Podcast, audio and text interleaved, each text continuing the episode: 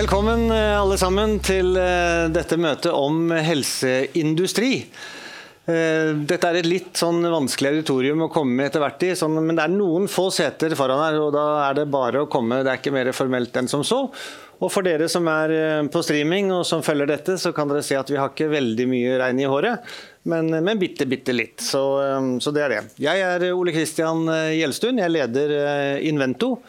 Eh, som er eh, et teknologi, teknologioverføringskontor som, eh, som server Helse Sør-Øst og Universitetet i Oslo. Så I år da, så er det ti år siden Sofigo fikk markedsføringstillatelse. og Selv om det er kommet flere produkter fra utvikling i Norge i årene etterpå, så har den store bølgen uteblitt. Når det er sagt, så har vi faktisk nå den største porteføljen av selskaper, oppstartsselskaper som er i piloteringsfase, sen preklinikk, eh, klinisk fase 1 og 2. Eh, sånn at det er noe å, å, å være bevisst på. Radforsk og Invento vi har invitert til dette møtet. Vi er opptatt av å bygge helsenæring. Eh, og vi håper og tror at dette vil være et eh, praktisk rettet møte med faglige innspill basert på erfaringen til eh, de relativt få da, som allerede har lykkes i å bygge helseindustri i dette landet. Som har tatt innovasjonene på en måte hele, hele veien. Verdt å lytte til. Vi tror ikke at disse fire vil komme til en enhetlig anbefaling. Eh, såpass komplisert er det. Men, eh, men komme med synspunkter som bør veie tungt, eh, syns vi, i jungelen av råd og anbefalinger. Det er tross alt ikke lett for politisk ledelse, som selv ikke har denne dype innsikten, å vite hva som er de beste rådene.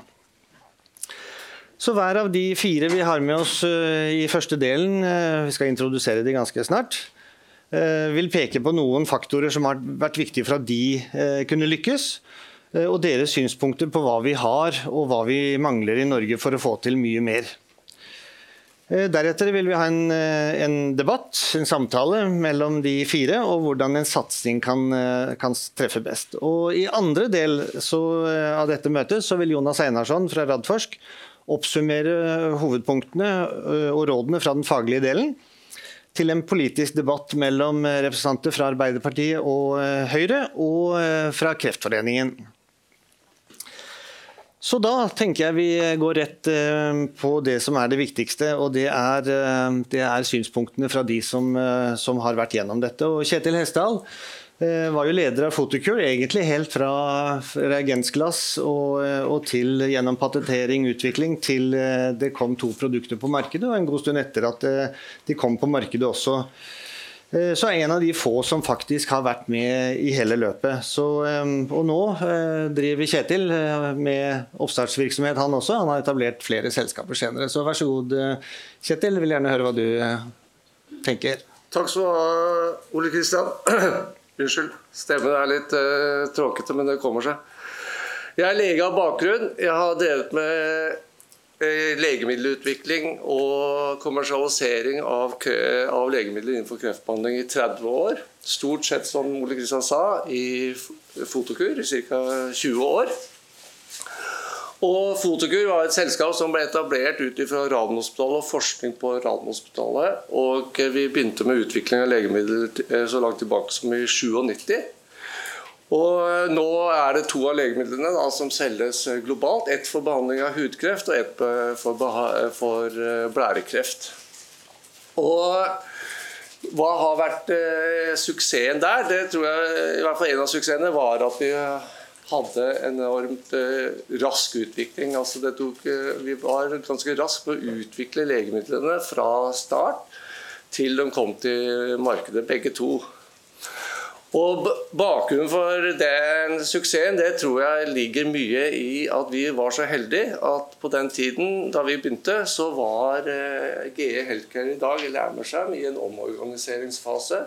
Og mange av de dyktige menneskene og engasjerte menneskene som jobbet, hadde jobbet lenge med utvikling av legemidler, faktisk var tilgjengelig for Fotokur. Så vi var eh, så heldige at vi kunne tiltrekke oss mennesker med erfaring. Og det tror jeg det, de menneskene klarte vi å samle mot et felles mål, og de hadde et enormt engasjement for å nå de målene og komme ut eh, på markedet med nye legemidler som kunne hjelpe pasientene. Og Det viser jo noe av, av, det man trenger. Man trenger et økosystem. Man trenger store drivkraftselskaper som har, har, kompetanse, internasjonal kompetanse, for å også da fòre mindre startup-selskaper og kunne utnytte den, eh, den virkningen, eller balansen mellom det. Men det har også vært frustrasjoner. Og en av de frustrasjonene som kanskje jeg opplevde eh, mest, det var frustrasjonen med at eh, politikere og byråkrater i Norge, det offentlige, ikke skjønte utfordringen til industrien. Og jeg følte også at vi i mange sammenhenger ikke fikk eh, Det var ikke noe interesse for å forstå utfordringen. Og Det går både på utfordringen av hvilke, hvilken betydning Norge kan ha, det offentlige, og da både Helsedirektoratet, men også i mitt tilfelle Legemiddelverket, kan ha i å støtte norsk industri til å komme fram med nye nyvinninger innenfor helsenæringen. Og Et eksempel på det som var slående for oss, det var at eh, vi i utviklingen må ha interaksjon med myndighetene. Legemiddelverket for å få hjelp og kompetanse og råd hvordan man navigerer i et komplisert eh, system. Norge viste ingen interesse, vi måtte gå til Sverige. Og Der fikk vi den hjelpen og støtten vi trengte. Og Det mest kanskje groteske eksempelet på at det ikke var noe interesse, det var at eh, i, i en europeisk godkjennelsesprosess så må du ha møter med det europeiske systemet, hele, hele det felles europeiske godkjennelsessystemet. Og Der var det mange møter, og de skal gi tilbakemeldinger til oss som utviklere. på hva de ser. Vi hørte ingenting fra norske myndigheter. Og det er også møter der det avstemmes, eller man gir avstemning inn, inn for om dette lenger skal bli godkjent.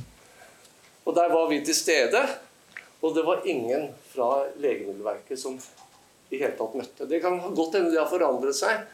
Men det, mitt poeng er at for å lykkes med helsenæringen, så må det Det er greit nok at vi som jobber operasjonelt og er med, er interessert og, og skaffer, men vi må ha hjelp. Vi må ha drahjelp, og vi må ha interesse og forståelse for utvikling og kommersialisering av legemidler. Så det var det jeg hadde, Ole. Ja, ja, flott. Vi noterer oss at eh, man trenger litt større støtte enn bare de faglige tingene, og det skal vi komme tilbake til. Og så er det Kari, Kari Krokstad, som er administrerende direktør i Medistim. Du har også stått på laben. Eh, og du har eh, vært leder i, i både legemiddelindustri og nå da det du har gjort i Medistim for å få, det, få vekst i Medistim, eksportinntekter, etablering i andre markeder osv. Så, videre. så vær så god. Ja, tusen takk for det. Ja, så jeg har hatt gleden av å, å jobbe i flere norske gode bedrifter. Starta i Nycomed og vært innom Dynal um, Nitrogen i mange år også, men nå da 14 år som CEO i Medistim, og det er Medtech vi driver med. Um, Medistim er nå snart 40 år gamle som bedrift. Vi har hatt et eget produkt på markedet i ja, 25-30 år. Um, og vi har fått det til, uh, i den forstand at uh, gjennom alle disse årene så har vi fått uh, god aksept for produktet vårt. I fjor så omsatte vi for ca. en halv milliard kroner, og målet vårt er nå å øke omsetningen til å runde milliarden i løpet av få år. Og vi gjør det på en veldig lønnsom måte. Um, vi har også vært på Oslo Børs siden 2014. Eh, og hatt en veldig fin utvikling der. Og ifølge Finansavisen da, tidligere i år så nevner da Medistim som et av tiårets beste aksjer på Oslo Børs. Det er jo hyggelig å ta med seg. Eh, bare veldig kort om hva Vi gjør. Vi utvikler da ultralydbasert teknologi til bruk under kirurgi. Eh, redder liv, bl.a. under hjertekirurgi. Måler blodstrøm og har også høyfrekvent ultralydavbildning i systemet vårt. Jeg tror eh, Noe av det som eh, har vært grunnlag for Medlistims eh, suksess, det har vært at vi hele tiden har jobba veldig, veldig tett med brukerne. Det vil jo da si kirurgene. Naturlig å starte i det norske markedet. Det gjorde vi. Jobbet veldig veldig tett i forhold til å utvikle første versjon av produktet, og har fortsatt å jobbe tett med både norske og nordiske kirurger. Ehm, ehm, det har vært viktig i forhold til å skape et hjemmemarked. Eh, og så kan vi komme litt tilbake til eh, hvor vellykka det har vært. Men, men, det å ha gehør hos brukerne og vite at produktet du har utvikla virkelig møter kliniske behov og har den kliniske støtten. Det er jo selvfølgelig helt avgjørende. Og så tror jeg det var viktig for Medistim. Vi tenkte kommersialisering, eh, internasjonalisering, eksport fra dag én. Vi visste vi adresserer en nisje innenfor medisin. Eh, vi visste at vi måtte ut i forhold til å gjøre dette her til et eh, ja, interessant kommersielt løp. Så Helt fra tidlig fase så, så vi også ut når vi begynte å etablere produktet ute. Så um, ja, uh, Tyskland, uh, Japan var også tidlige markeder for oss. Vi kaller det vel nesten våre hjemmemarked på lik linje med, det, med, med Norge. Um, så det har jo gått bra. Uh, og Man kunne jo kanskje da si at uh, ja, dette er en sånn god historie, og kanskje vi har fått mye hjelp også fra, fra norske si, um, virkemiddelapparat osv. Men vi har opplevd at det å få det til i Norge har vært vanskeligere enn å få det til ute.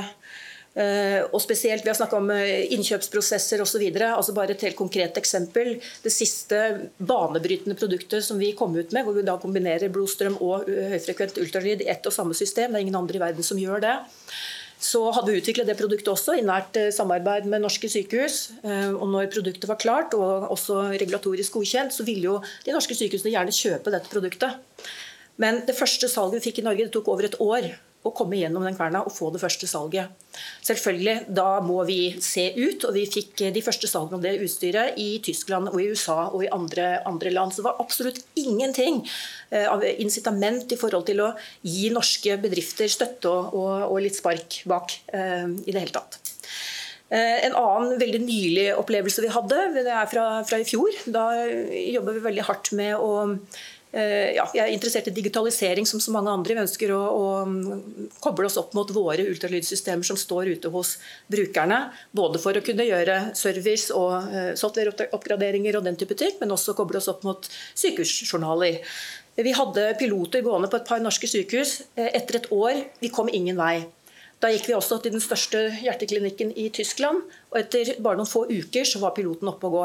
Det er bare to helt konkrete eksempler på som beskriver vår erfaring. At mm. vi, vi, har fått det til ute. og Vi føler at dørene har vært veldig åpne uh, i de aller fleste land ute. Vi har sterke markedstall. Vi har 90% av det japanske markedet. Vi er veldig store i Kina, vi er eh, veldig store i, i Europa, og vi er også på, i høy vekst i USA. Så dette her er altså, Hele verden vil ha produktene våre. Mm. Tusen takk, det, det er interessant. og um, Vi noterer oss også at det har vært litt vanskeligere i Norge, så det skal vi også komme tilbake til. Katrine Thomassen, du er administrerende direktør i GE Healthcare, og um, du har lang, lang fartstid der. Nå står jo GE for omtrent halvparten av eksportinntektene til uh, helseindustrien i, uh, fra Norge. Uh, sånn at det er en, det er en viktig rolle. Dere er 800 ansatte, og dere nærmer dere nå eh, neste år da, 150-årsjubileum for, eh, for Nycomed, som startet i sin tid. Og 50 år for den fabrikken som er på Lindesnes, og, eh, og som gjør Substansfabrikken, og hvor GE, jeg skjønner at GE har besluttet å investere 800 millioner til. Takk skal du ha, Ole Kristian. Jeg eh, kan si litt om meg selv først. Jeg har bakgrunn fra organisk kjemi, så jeg har hatt hele min arbeidskarriere innenfor farmasøytisk produksjon. Jeg begynte i Halden, eh, Fresenius Kabi. Eh, og har nå vært godt antall år i, i G Healthcare. Så jeg har hjertet mitt innen produksjon og mye kompetanse. Jeg har jobbet med teknologioverføring og eh, tett kontakt mellom eh, R&D og de kommersielle fabrikkene vi har både i Oslo og i Cork og i Shanghai, for å kommersialisere eh, forskningsporteføljen. Så, så mye innsikt innenfor akkurat denne kommersialisere industrialiseringen. Eh, GE Healthcare, som du sa, eh, vi er vokst nå. Vi er rundt 1000 ansatte, eh, jevnt fordelt på fabrikken på Lindesnes, som lager den aktive substansen til våre jodholdige kontrastvæsker. Og de er verdensledende innenfor denne råvaren. Vi leverer også produkter til ultralyd, MR, PET og SPECT. Så det er innenfor medisinsk billeddiagnostikk med farmasøytiske produkter. Oslo har vi fabrikk som lager ferdigprodukt, og de er spesialisert. Og også en Center of Excellence for dette med kommersialisering av forskningsporteføljen. Så vi har klart å på en måte beholde styrken i Norge i forhold til eh, de store volumprodusentene i Cork og i Kina. Eh, når jeg ser litt sånn med utfordringer, så er det dette litt med rammevilkår. Vi er i direkte konkurranse med eh, våre søsterbedrifter i utlandet. Eh, både rammevilkår og, og virkemidler. Så er det ofte mer gunstig, spesielt i Irland, som har skatte, skatte, gode, gunstige skatteinsentiver. Og, og Shanghai, som har lav arbeids i forhold til lønninger. Så, så, så, det er de utfordringene.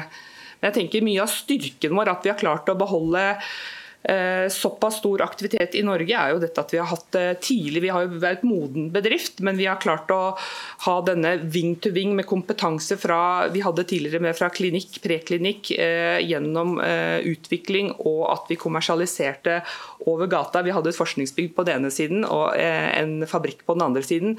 Så vi hadde en sømløs utvikling av nye produkter. og Det tror jeg er en av nøkkelfaktorene til å lykkes eh, når vi snakker om, om hvordan bygge helseindustrien i, i Norge. Norge. Mm. Takk skal du ha. Og så er det sist av panelet Thomas Ramdal. som eh, Jeg nevnte jo Sofigo innledningsvis. Thomas var jo med på omtrent hele reisen han også. Fra, om ikke fra reagensklasse, så, så Rett etterpå. Rett etterpå. Så, så, han har ledet eh, arbeidet med å ta denne legemiddelkandidaten helt, eh, hele veien til, en, eh, til, å være det som vel er den eneste blockbusteren, utenom det som vi nettopp hørte, kontrastvæsken til GE, som, hvor Omnipac kanskje er det, det aller mest solgte legemiddelet i verden, faktisk, over noensinne. Så Thomas, eh, du er nå styreleder i flere selskaper, eller avtroppende styreleder kanskje også i, i selskaper, og du er veldig engasjert i dette. La oss høre ditt uh, synspunkt. Ja, takk. Jeg er også organisk kjemiker av utdanning. Så kjemi ligger jo også i, i bunnen av mye av eh, det som er legemiddelutvikling. Så det er en viktig, viktig del av det hele. Jeg kom inn i legemiddelbransjen i 1989 ca. Da Norsk Hydro ville starte et nytt ben å stå på. Det var Torvild Aakhager som eh, så på de eksisterende tingene Hydro hadde, og ville satse på et nytt ben, og satset da på legemidler. Men eh, i ettertid så syns vi kanskje det var litt forsiktig. De, de kjøpte NAF-laboratoriene. Ikke noe galt med de, for så vidt, men det var ikke det som var lokomotivet. Det, det var på trappene å kjøpe Nycomed på sin tid, og Hydro snuste på Nycomed, men gjorde ikke det. Hadde de gjort det, så hadde kanskje hele Helse-Norge sett annerledes ut, egentlig. Mm. Men, eh, men, jeg startet da et prosjekt i Norsk Hydro og lærte legemiddelutvikling fra grunnen av egentlig der. Jobbet med et produkt som het Silascorb, som var et deuterert legemiddel. Ikke minst Hydro ville satse på tungtvann inn i legemidler, som var ganske spennende. Og det finnes faktisk en del legemidler nå som er basert på det, det prinsippet. Eh, jeg jobber med det prosjektet, eh, både preklinikk Atox og klinikk frem til fase to, men da viste det ikke nødvendig eller gode nok resultater, så det prosjektet ble lagt ned etter, etter fem år. Så jeg har vært med på den delen av legemiddelindustrien også. Senere så har jeg ledet eh, Pronova i Sandefjord, som jobber med omega-3 fettsyrer. Og Hydro utviklet også Omacor, som er et, et legemiddel som er eh, registrert mot, eh, mot, hjertelidelser. Og Det var faktisk en blockbuster det også, som har gått litt under radaren. egentlig. Omacor er, var et veldig bra, og selger fortsatt eh, bra som det. Så ble jeg kontaktet av Algeta og spurt om jeg ville lede det selskapet. Det var jo fem personer på den tiden. Men jeg syns som kjemiker så var Eh, alfa-emitter er veldig spennende å se på, så jeg trodde at dette kunne, kunne, ha noe for seg. Dette kunne virke.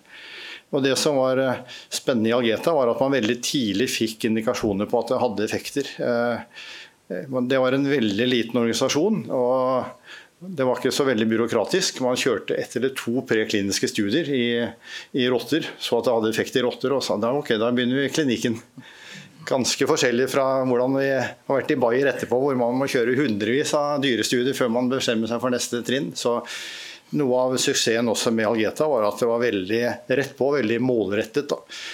Eh, man kjørte fase 1-studier eh, ganske tidlig på Radiumhospitalet.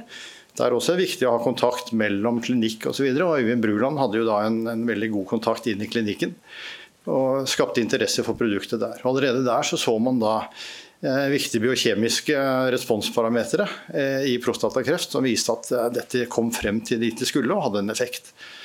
Og vi gikk da raskt over i fase to også. Vi også var avhengig av, av, folk som hadde vært med på legemiddelutvikling tidligere. Og tilbake da til GE igjen, så etter hvert så var Algeta mer enn 50% GE-personer. Så det å bygge helseindustri, eh, det viser at man må ha kunnskap eh, som, eh, i landet som kan dette her. Og en kritisk masse av mennesker som kan bygge selskaper.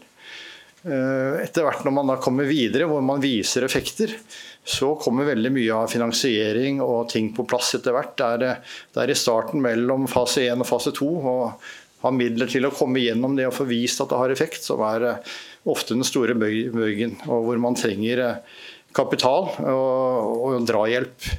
Eh, I Algeta så var det jo kun eh, venturekapital etter hvert som var tilgjengelig. Vi hadde skattefunn, noen få millioner kroner i året, som alle selskaper får. Bare helt sjablongmessig, men det er ikke det som drar selskapene videre, egentlig. Eh, så det som man var avhengig av, kapital, men også klinisk utprøving og steder hvor man kunne drive med klinisk utprøving. Så eh, fase tre gikk jo da over hele verden osv. Men det jeg også har jobbet med gjennom alle disse periodene, med Silla Skorb og Macor og, og Sofigo etter hvert, er også produksjon. Jeg tror på å ha egen produksjon og jobbe med, med nasjonal produksjon er viktig. For det, for det første så skaper det mange flere arbeidsplasser. Det det skaper verdi i Norge, men det gjør også at hvis det kommer andre som vil kjøpe selskapet eller gjøre noe med selskapet, så er det ikke så lett å flytte arbeidsplassene eller gjøre noe med det hvis produksjonen ligger eh, nasjonalt. Så eh, I Algeta så bygde vi jo produksjonen i samarbeid med IFE, og den eksisterer eh, i beste velgående i dag. Og all hår det produseres i Sandefjord i dag også, så det er, det er viktig å tenke produksjon også. Så det er ja. innledende ord fra min side. Ja, takk skal du ha. Så da er det, nå er det jo ikke egentlig eh, Har dere ikke lagt så veldig mye trykk på penger, statlige penger, noen av dere. Nei, det, vi, vi, det, var ingen. Nei, det er kanskje derfor. Men vi vet jo at det lages et veikart akkurat nå. Og hvis dere hadde sittet og lagd det veikartet hvor Og vi hadde 11 milliarder kroner som vi skrev innledningsvis til dette, som er et helt tenkt tall, men bare for å kvantifisere hvor innsatsen burde legges. Hvor ville dere ha, ha lagt de? Eh, de for, ville dere fordelt de pengene på å bygge noe fra naken mark, som kanskje tar 15-20-25 år å, å, skape inntekter, vil dere putte det inn i de, fasene, de, de selskapene som nå er i fase 1, fase 2? Eh, eller vil dere sikre norsk eierskap, kanskje? At et selskap som, som går inn i fase 3, eller noe annet. Så Kjetil, hva tenker, hva tenker du? Jeg syns jo at eh, det, alt er jo relativt. Eh, men jeg syns jo egentlig at det er opplever i hvert fall at det er relativt gode forskningsmidler til basalforskning i Norge. Altså Forskningsrådet på tidlige faser, og så har du Innovasjon Norge på andre hånd som er mer markedsretta. Største risikoen til selskapene er jo når man går i klinikk og skal gjøre fase 1 og fase 2. Og Der opplever jeg at, at det er vanskelig å få midler. Så hvis jeg hadde hatt 11 milliarder og kunne benytte de, så ville jeg i hvert fall putte en del av dem inn i å støtte eh, Hjelpe bedriftene å gå gjennom den fasen. Det er ofte det som er dødens eh, dal. Investorene er skeptiske, eh, de vil se resultater, og, og, man trenger noen til å vise at man tror på det. Og det offentlige kan tror jeg kan bidra mer der. Eh, så der vil jeg i hvert fall putte Det var eh, Mm. Puttet, puttet, midler. Det jeg vil være en ordentlig drahjelp og redusere risikoen. Ja. Du da, Kari? Ja, jeg tenker at jeg får slå et slag for uh, også Medtech. De, de med, ja. Medtech, mm. som ikke er så uh, klinisk tung. Da. Uh, vi har krav til kliniske studier, vi også, men det koster ikke det samme som innenfor legemidler. Mm.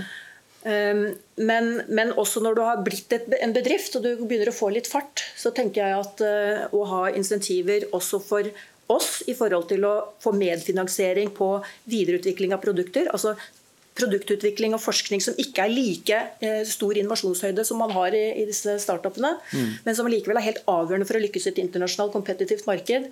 Eh, hvis det hadde vært ordninger også der, så ville vi gjort de investeringene raskere. Så kan man peke på at ja, eierne burde tillate at vi brukte mer av pengene osv. når det begynner å gå bra. Nei, det er ikke helt sånn. Altså, det er alltid si, forsiktighet i videre investeringer. Jeg tror for Norge så ville det lønne seg å også bruke penger på eh, selskaper som er i litt fart. Fordi vi ville få enda mer ut av det, og det ville være til gode både for altså øke eksporten mm. og for uh, dette her med å bygge helseindustrien. Statlig matching, på en måte? Ja, på en, ja ikke sant. Mm. Okay.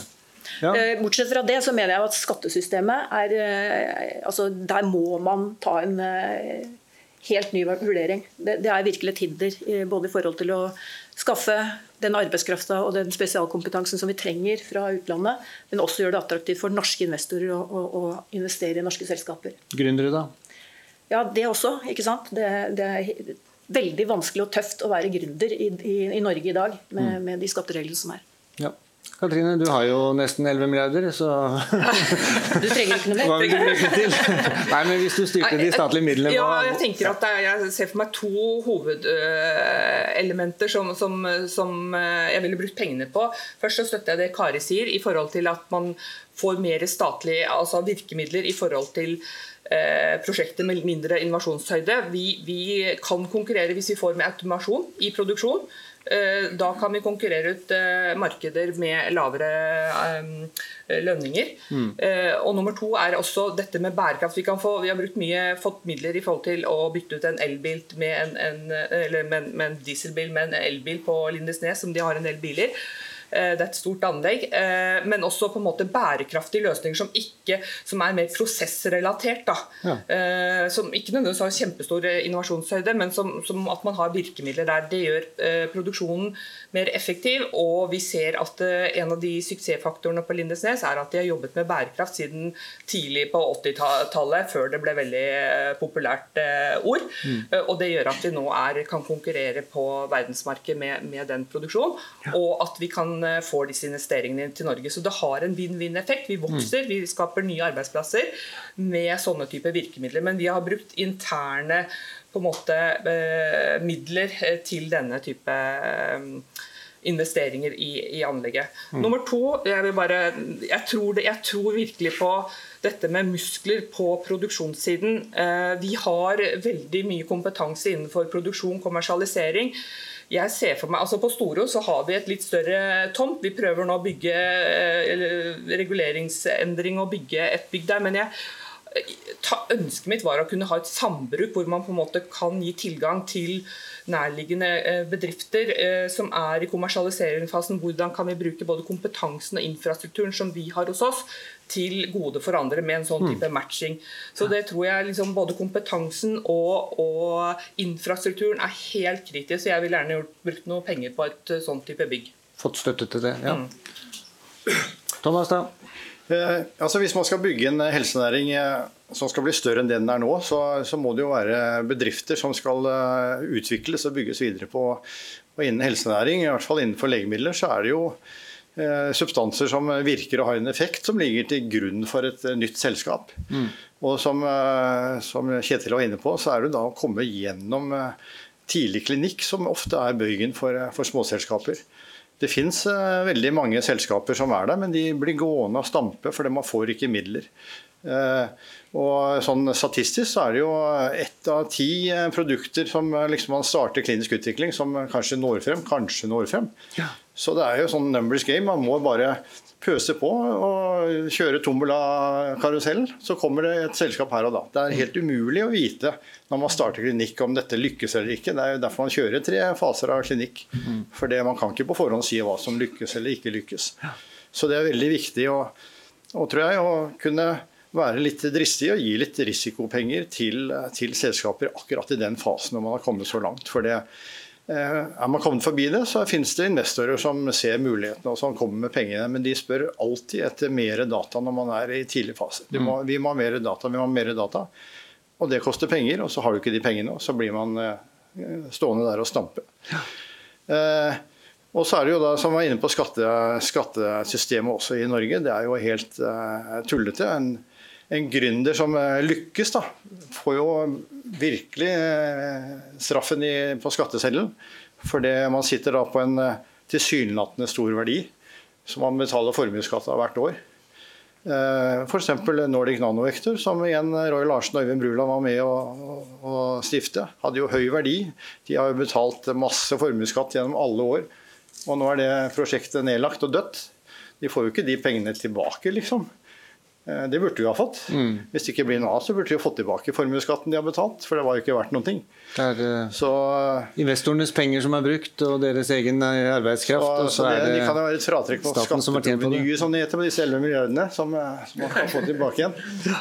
Og ikke minst da arbeidsgiveravgift på lønninger over 750 000. Når man skal hente inn eksperter til Norge og skal prøve å bygge noe industri, da, så får du ikke rare eksperten for 750 000 kroner. Og Over det så skal du igjen straffes for å hente dyktige personer til Norge. Da. Ja, Nå skjer det kanskje endringer der, har vi hørt. Ja, Gari? Jeg har bare lyst til å tillegge til det du var inne på med produksjon, noe som jeg også tror veldig på er, er gunstig for eh, å bygge helseindustri i Norge. Men jeg tror det er viktig at vi ser forskjell på hvilke hatter vi har på oss. Altså Hvis vi har på oss en gründerhatt eller en eh, altså, vestorhatt, eh, bedriftshatten, så er det ikke alltid så viktig å, å plassere produksjonsbedrifter i Norge. altså Produksjonsvirksomhet som krever store investeringer. Det er ikke noe mål i seg selv. Altså, da tenker man jo kun på hvor er det man får mest igjen for å investere disse pengene. og Hvis det er et annet land, så gjør man det. Men for AS Norge, hvis du tar på deg den hatten, så betyr det noe. Mm. Sånn at det er der, altså det må være like gunstig å sette opp en produksjonsbedrift i Norge som det er i andre alternative land. Og da sier du at eh, når man er i et rasjonelt selskap og skal ta prioriteringer, så er man likevel norsk. Og, og, man kunne utnytte det til å kanskje etablere produkter. Ja, jeg tenker Bedriften tenker bedriftsøkonomi, ja, så, så, det kommer vi aldri utenom. Men, eh, men, eh, hvis staten var opptatt av å bygge denne industrien, mm. ja. så ville jo legge til rette for at det er ikke noen grunn til å gå andre steder. Ja. Og, og, de eksemplene som du viser til, med, med egentlig både Dynals-produksjon, gs-produksjon Algetos-produksjon, det har vært veldig viktige faktorer for å holde miljøene rundt de bedriftene i Norge mm. etter at de har blitt solgt ut. Ja. Det, snakkes, det, er et annet problem. Det snakkes litt om, Jeg syns dette med produksjon er viktig. Så, men, og, og, man snakker om bygge skal vi si, pilotanlegg i Norge. Er det det rette å gjøre, eller er det, er det riktigere heller å bygge ut fra de som er her? altså enten vi vet jo at et norsk selskap har vært og spurt om støtte til å etablere produksjon i Norge de siste årene, og, og fikk ikke det. Har gått eh, etablert i et annet land. Er det da riktig å heller støtte de, eller er det riktig å etablere et pilotanlegg eh, som de to ytterpunktene? Så Thomas, vil du, hvis du vil eh, Jeg tror det er veldig vanskelig å bygge noe på forhånd. Altså det, det, må følge hverandre. Man må heller støtte de bedriftene som eventuelt har behov for det å sette opp et generelt produksjonsanlegg eller sånn, det, det, tror jeg ikke er måten å gjøre det på. For det kan veldig lett bli gående som en møllpose i lang tid. Og så svinner det bare hen. Men, men å ha et uh, miljø som kan dette her, osv. Det er, det er viktig. Ville Fotokur ha etablert seg i Norge hvis kompetansen hadde vært der, og dere hadde fått litt eh, støtte? Ja, det tror jeg. Og, men, og vi begynte jo i Norge ja. i Hydro. Eh, men da viser det at, eh, at eh, kompetansen kanskje ikke var god nok, eller villigheten i Hydro. Og samtidig så var det billigere å gjøre det i utlandet, så da måtte man gjøre et valg, da, som Kari påpekte. og da flytta vi det til Spania. Men jeg tror selv om det er bedriftene kan ha enkeltinteresser å være utenlands, så er det likevel viktig og essensielt å ha god produksjonskompetanse i Norge. Eh, selv om du gjør produksjon i utlandet, fordi produksjonen og kommersialiseringen og levering av produktet til markedet, det er noe som egentlig er verdi, hele fundamentet for å kunne være på markedet. Hvis du ikke blir leveringsdyktig, og ikke har evne til å forbedre produksjonen, og ikke skjønner de nye regelverk og kvalitetene rundt det, så mislykkes du. Og 30% 30% av alle avslag hos FDA, at du ikke blir godkjent som legemiddel i USA, skyldes at du ikke har god nok kvalitet og kontroll på produksjonen din. Og Det betyr at du må ha kompetanse eh, for å følge det og kunne etterse det i hvor enn du produserer. Mm. Og da, Derfor er produksjon et fundament for, eh, for, suksess i denne bransjen. Ja. Jeg har ett en ting til før vi slipper til Jonas. For vi snakket om bred politisk støtte, eller politisk støtte, det er en større støtte. At det er flere som må stille opp enn bare fagfolkene og deres nærmeste i Forskningsrådet osv. Det rekker vi ikke å komme innom, men det vi, det vi må innom, det er kompetanse. For hvordan i all verden kan eh, GE etablere en produksjon som er verdensledende, og som ikke noen klarer å konkurrere mot på Lindesnes. Det er ikke noe universitet på Lindesnes. Nei, det er og det er ikke noen andre bedrifter du kan hente folk fra Nei, heller. nei, og har dere kjørt utover det, så er det jo på veien ut der nesten til du butter i Lindesnes fyr. Så det er jo ikke, det er ikke, for å si det sånn, de blir sikkert fornærmet meg, men det er ikke verdens navle, egentlig. Eh, men der har de igjen gjort no, noen lure tiltak. De jobber veldig systematisk inn mot utdanningsinstitusjoner, både Høgskolen i Agder og, og videregående skole, hvor de er inne og, og bidrar med at eh, man har prosess, prosessoperatører, eh, utdanning innenfor prosesskjemi, og både på, på ulike nivåer, hvor de også kommer inn i anlegget og kan jobbe enkelte dager. Så man eh, lager et, et miljø i utdanningsinstitusjonen der nede som tilpasses fabrikken. Og nå skal vi ha 100 nye arbeidsplasser der, og det er helt kritisk at man ikke er avhengig av tilflytning til, til, nødvendigvis til regionen. Det er en kombinasjon. Eh, Men dette har de lykkes veldig veldig godt med. i Dette samarbeidet med høyskoler og andre utdanningsinstitusjoner i regionen. Mm. Ja, Karin, vi vet jo at Nycode ikke sant, må ansette nå i Danmark, for de finner ikke mer kompetanse. De finner den på Lindesnes. Hva, hva annet kan vi gjøre? Eller hva hadde du tenkt å si? Ja, det jeg hadde tenkt å si var at Det er så viktig at vi får til et, altså at denne industrien får mer fart. Eh, Og at vi får større miljøer. Vi kan ikke bare tappe GE. Ikke sant? Nå vi tapper på Nycomed og, og GE i alle det er liksom ikke flere å ta av. Så, så vi er nødt til å få mer fart på dette. her. Sånn. Og spørsmålet blir til syvende og sist tenker jeg, til den politiske delen. Altså, Hva er man villig til å gjøre, da? Mm. Og det er ikke én ting som er løsningen. Det er, Man må tenke veldig bredt. Um, og jeg, det, det er noe med at Vi som er ute, vi møter andre land. Jeg kaller det noen ganger proteksjonisme. Jeg sier ikke at jeg er noen fan av det, men vi møter det. Bare ett eksempel. Eh, I salgsprosess nå i USA så møter altså Medistim Buy American First. Som er altså lovgivning fra 1933. Og som Biden-administrasjonen nå blåser liv i. Fordi de vil stimulere sitt næringsliv og sin industri, sine arbeidsplasser. Så man må bare spørre seg hva er man villig til å gjøre. Jeg sier ikke at det er en kjempegod idé, men, men eh, det er det vi møter ute.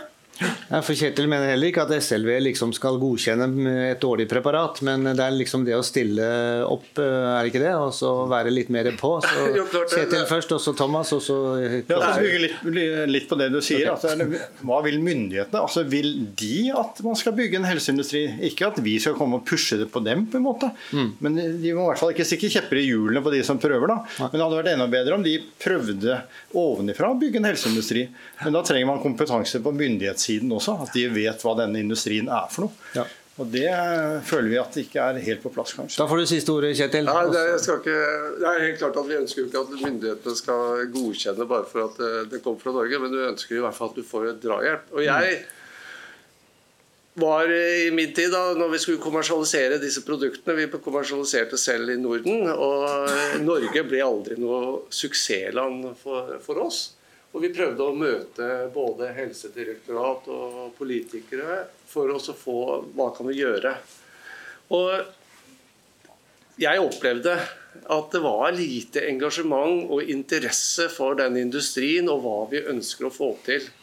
Og det var mer sånn at, det, at, at eh, når det gjelder å bruke de midlene og retningene som er, så kan man få til noe hvis man tror at denne teknologien kan en, hjelpe pasientene, to, bidra til å, å, å utvikle norsk industri. Og så må man, ikke, må man ikke sitte der og så tro at det betyr ikke noe hva man gjør i Norge. Det betyr mye. F.eks. refusjonssystemet. Hvis man ønsker at norsk industri skal blomstre, så må man eh, bruke refusjonssystemet på en positiv måte for å få midlene ut på markedet. Og, og istedenfor Så kan man også bruke det til å få bedre behandling for pasientene. Og Et eksempel vi hadde, det var at eh, vi var avhengig av prosedyrerefusjon for at sykehusene skulle bruke det, og det er styrt gjennom DRG-takstene. Og I Norge var Helsedirektoratet der, det kunne man ikke gjøre noe med. Det ville utvikle seg etter hvert, og det ville ta mange år. Tyskland så at dette blærekreftproduktet var, eh, var, eh, kunne hjelpe pasientene. Hva gjorde de? De forandra DRG-systemet sånn at sykehusene fikk mer refundert hvis de brukte vårt produkt i, i behandling og oppfølging av pasientene. Samme i Danmark. Hva skjer? Jo, du får en enorm vekst og fin flyt, og du får implementering. For sykehusene drives jo år for år av inntektene. Og dette kan politikerne og, og direktoratet gjøre noe med. Da er kompetanse trengs, og interesse trengs, og engasjement for industrien. Det var den gang. Så får Jonas finne ut om det er annerledes nå. Så tusen takk til eh, Kjetil, Kari Katrine og Thomas.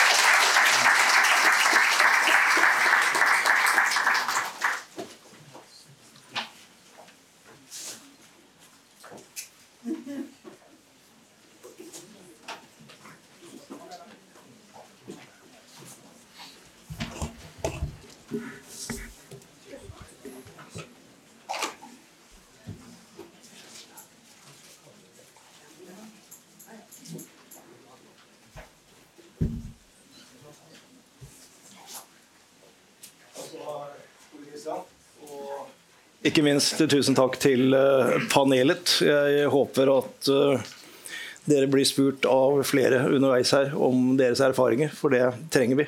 Nå skal vi ta og se litt fra den politiske siden. og Da har jeg den glede å ha med meg statssekretær i Helse- og omsorgsdepartementet, Ole Henrik Kratt Bjørkholt bare kom opp. Og Arve Juritzen fra Høyres næringspolitiske forum, og også kandidat til bystyret til det forestående valget.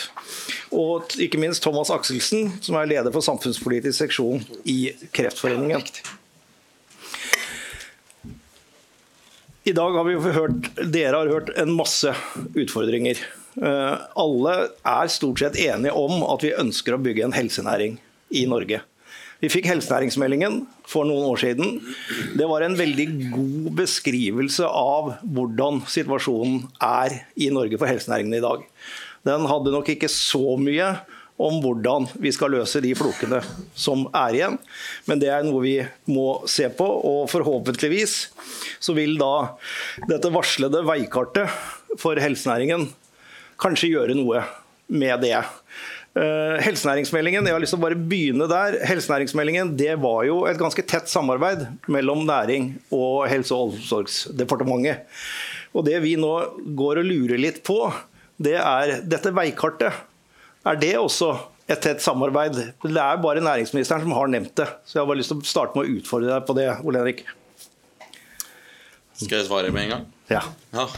Eh, ja. det kan jeg bekrefte. Det er et eh, tett og godt samarbeid med hvor begge statsråder har hatt møter, og det har vært møter på embetsnivå gjentatte ganger. Det er veldig, veldig, godt å høre. Eh, før vi går inn på alle disse utfordringene, så har jeg tenkt å starte med For vi har to politikere og en samfunnsdebattant en fra Kreftforeningen her. Så jeg har veldig lyst til, Thomas, fordi jeg har vært med i så mange år nå, og Kreftforeningens engasjement i helsenæringen har virkelig befestet seg og vist seg å være stor og veldig viktig for oss som jobber med helsenæring gjennom de senere årene. Og Kreftforeningen er i utgangspunktet en pasientorganisasjon, så hvorfor er helsenæringen i Norge så viktig for Kreftforeningen og andre pasientorganisasjoner? Vi bruker Kreftforeningen som eksempel nå. Ehm, vårt samfunnsoppdrag i Kreftforeninga er at færre skal få kreft, at flere skal overleve, og at eh, de som opplever å få kreft, de skal leve med best mulig livskvalitet.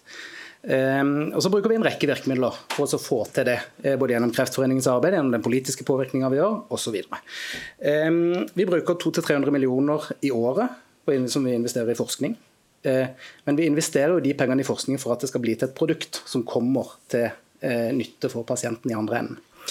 Så når vi engasjerer oss i helseindustri, så handler det eh, om at norske pasienter både innen kreft og innen andre sykdommer skal få være med på den helt enorme reisen eh, som vi ser nå eh, i forhold til den teknologiske utviklinga. Eh, det kommer til å føre til at norske pasienter får raskere tilgang til de nyeste innovasjonene. Det er viktig for oss, det er viktig for pasientene. Eh, Og så handler det også mye om kompetanse. Eh, kompetanse har blitt nevnt, det kommer vi til å trenge for å bygge norsk helseindustri både innen eksport, vi kommer til å trenge det innen produksjon osv. Men gjennom å ta i bruk de nyeste innovasjonene, så bygger vi også kompetansen i klinikken. Eh, og vi bygger kompetansen til de som møter pasientene. Sånn at En satsing på norsk helseindustri vil også være med på å bygge kompetansen til de som skal møte pasientene i den daglige kliniske aktiviteten. Så det er vi kjempeopptatt av. Og Et tredje poeng som jeg har lyst til å trekke frem, som jeg tror kanskje er særlig viktig for dere politikere å tenke på som potensiell synergi her. Det handler om beredskap. For Når store kriser treffer eh, Norge, når store kriser treffer verden, så treffer de de som er alvorlig syke aller hardest. Det er også en av grunnene til at vi er opptatt av at Norge må sikre sin mm. eh, beredskap. Og En investering i norsk eh, helseindustri kan være en måte å sikre den beredskapen på. Vi kommer ikke til å bli selvforsynte verken på vaksiner eller antibiotika eller noen av disse tingene her. Men i den grad vi kan bygge opp en eller annen form for produksjon, eh, i den grad vi kan ha noe å legge på bordet neste gang resten av verden kommer og banker på døra og sier at nå trenger vi å ta et krafttak sammen, så kommer vi også til å stille veldig mye sterkere i en sånn beredskapssituasjon. Vi kan ikke garantere at svenskene redder oss.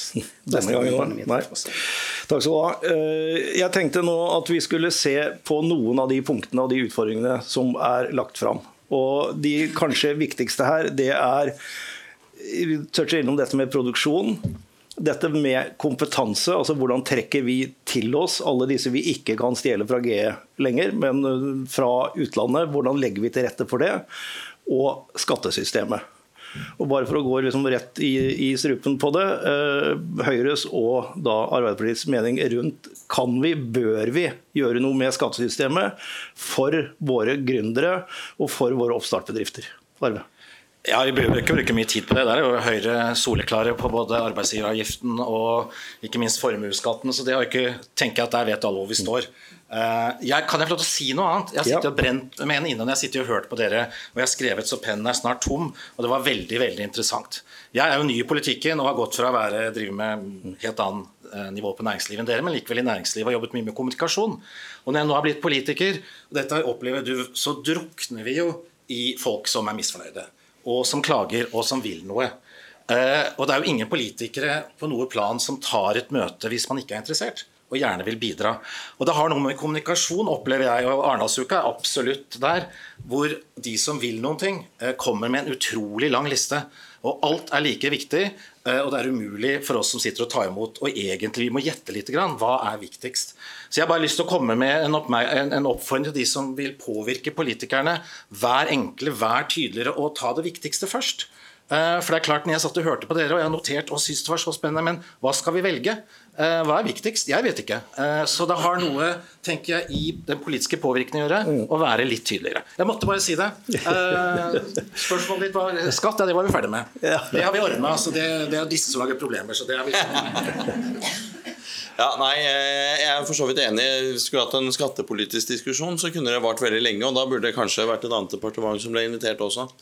Eh, når det er sagt, eh, Norge har mange næringer hvor vi konkurrerer på ypperste verdensklasse. Det er både våpenindustri og eh, olje og gass og flere andre. Så vi er konkurransedyktige, og vi er ikke konkurransedyktige fordi vi har det si, snilleste skattesystem eller fordi vi har de laveste lønningene. Vi er konkurransedyktige fordi vi har den beste kompetansen. Eh, når det gjelder helsenæringsmeldingen, der er vi helt enige, så vi skal ikke bruke mye tid på det. Det er jo en, en, eh, melding som dere la frem på vårt eh, initiativ fra opposisjon. Så der er vi fullstendig enige. Og så blir det jo spennende å kunne legge frem veikartet. Det er litt tidlig, jeg kan ikke røpe eh, noe, for det skal liksom være en offisiell lansering, og sånn, men det vil berøre både eksport og produksjon. Mm. Så det vil komme noe innenfor dette på veikartet. Mm. Eh, og så vil jeg eh, også vise til at vi eh, et annet departement riktignok akkurat har lagt frem sin langtidsplan for forskning og høyere utdanning, som kommer i forbindelse med statsbudsjettet nå i år. Og der er helse en av de seks tematiske temaene som omtales særskilt. Så vi har jo, vi var også tydelige i Hurdalsplattformen at helsenæring og nasjonal helsenæring det er vi opptatt av. Vi er opptatt av å legge til rette for det. Så må vi finne gode måter for vi både kan understøtte forskning på alle nivåer.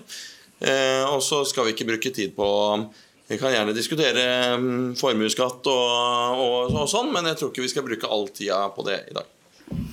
Det er jeg helt enig i, eh, men vi må, må touche inn på det. For det er et ganske viktig, viktig felt for oss som prøver å bygge, bygge disse bedriftene. Så det, det, det, ligger der.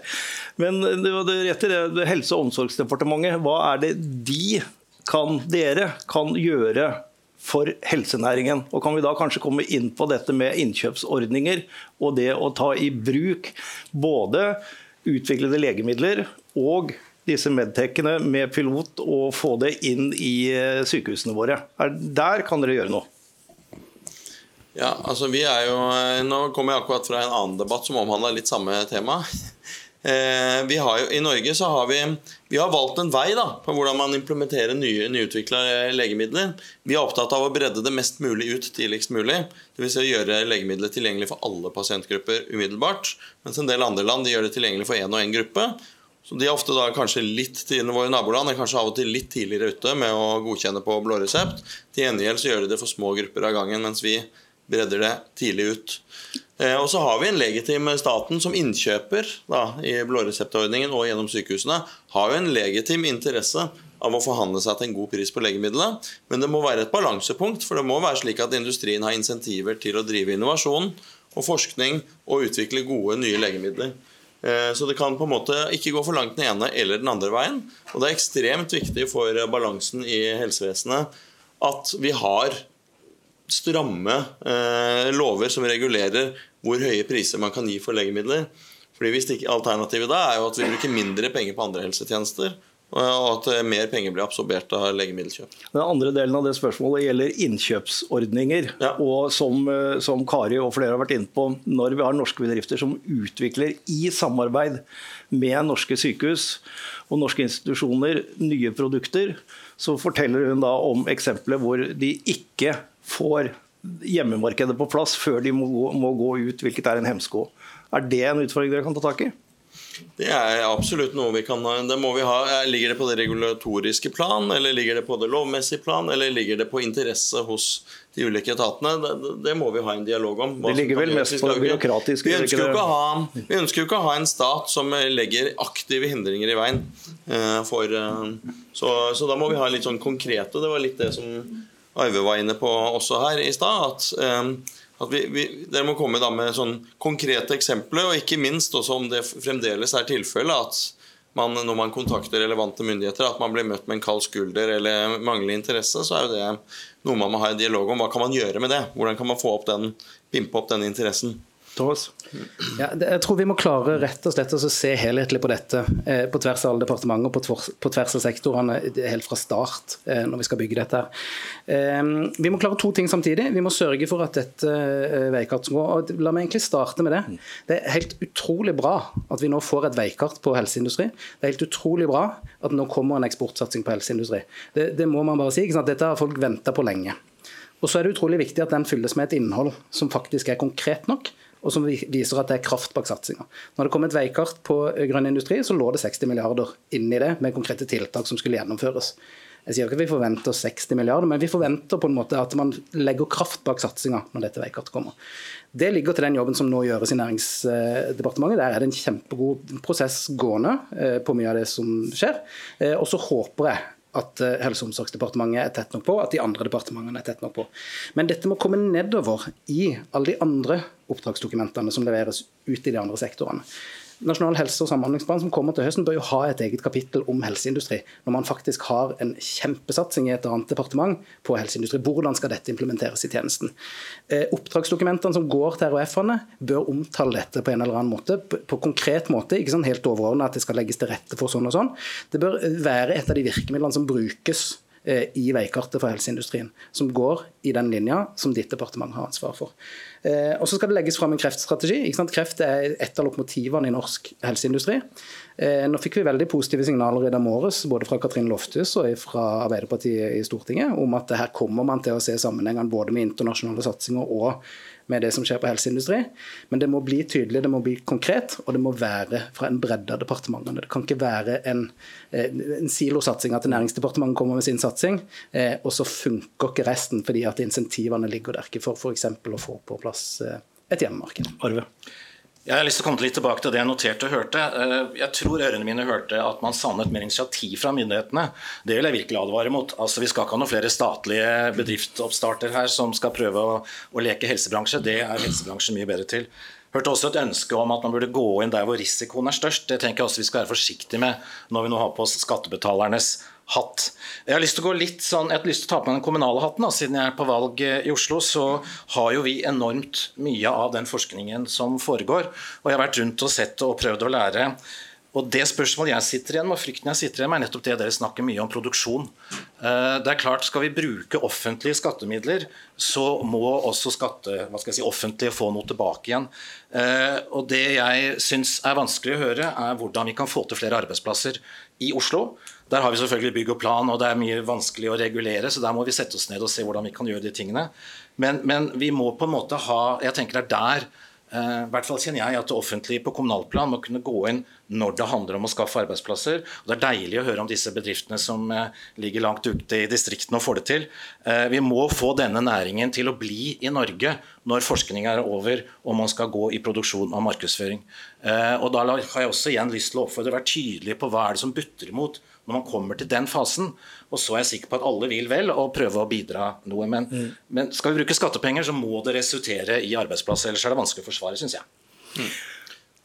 Kom igjen. Og jeg, egentlig må jeg igjen si meg til dels eh, enig her. Vi kan ikke drive på en måte den innovasjonen som har skjedd i legemidler de siste 40-50 årene på verdensbasis, hadde ikke skjedd hvis det hadde vært i statlig regi. Så dette, dette, er, og det kan jeg si med god samvittighet som sosialdemokrat også, at dette er en bransje og dette er en innovasjon og en forskning som egner seg veldig godt for det private næringsliv, og bør forbli der. Jeg håper du tok opp det Arbeiderpartiet-mannen sa nå. Dette var, dette var Nei, det, fortjener en applaus, nesten. Altså. Ja, men, men likevel, og, og, så er jeg enig i at vi kan ikke la ha sånn statsproduksjon. Og når man snakker om helseberedskap, det ble tatt opp av en av aktørene her eh, så er vi veldig opptatt av det, men det går jo først og fremst på lagring av eh, legemidler og vaksiner. og Kanskje ikke så mye på produksjon. og Vi ser også på det europeiske sporet her. Europa eh, som fellesskap må gjøre seg uavhengig av Kina og andre når det kommer til Er det noe pandemien har vist oss, så er det at vår totale avhengighet av Kina ikke er bærekraftig i helseberedskapsperspektiv. og Det er vi opptatt av, og det vil eh, fremgå av de fleste dokumenter fremover. Ja, eh, takk. Jeg, jeg, tror en liten oppsummering vi må gi oss. så uh, tror heller ikke jeg at jeg har lest noe sted i helsenæringsmeldingen at denne næringen har bedt om statlige midler men den har bedt om rammevilkår som gjør at vi kan utvikle oss med å da skaffe den eksterne finansieringen til det. Så jeg tror det er viktig. Den diskusjonen tror jeg vi nesten kan legge død. for Man kunne godt tenkt seg et 10 milliarder fond som kan investere i alle bedriftene våre for å dra det gjennom en store fase 2-studier. Det hadde kan, kunne til og med vært lurt. Fordi Det er, i en mye lengre fase ut, men det er en helt annen diskusjon. Men det vi ber om, er rammevilkårene, og vi har vært innom de aller fleste her i dag. og Da blir det litt sånn liste over hva som mangler. Men vi heier på helsenæringsmeldingen og vi heier veldig på veikartet og ser frem til det. Takk skal dere ha.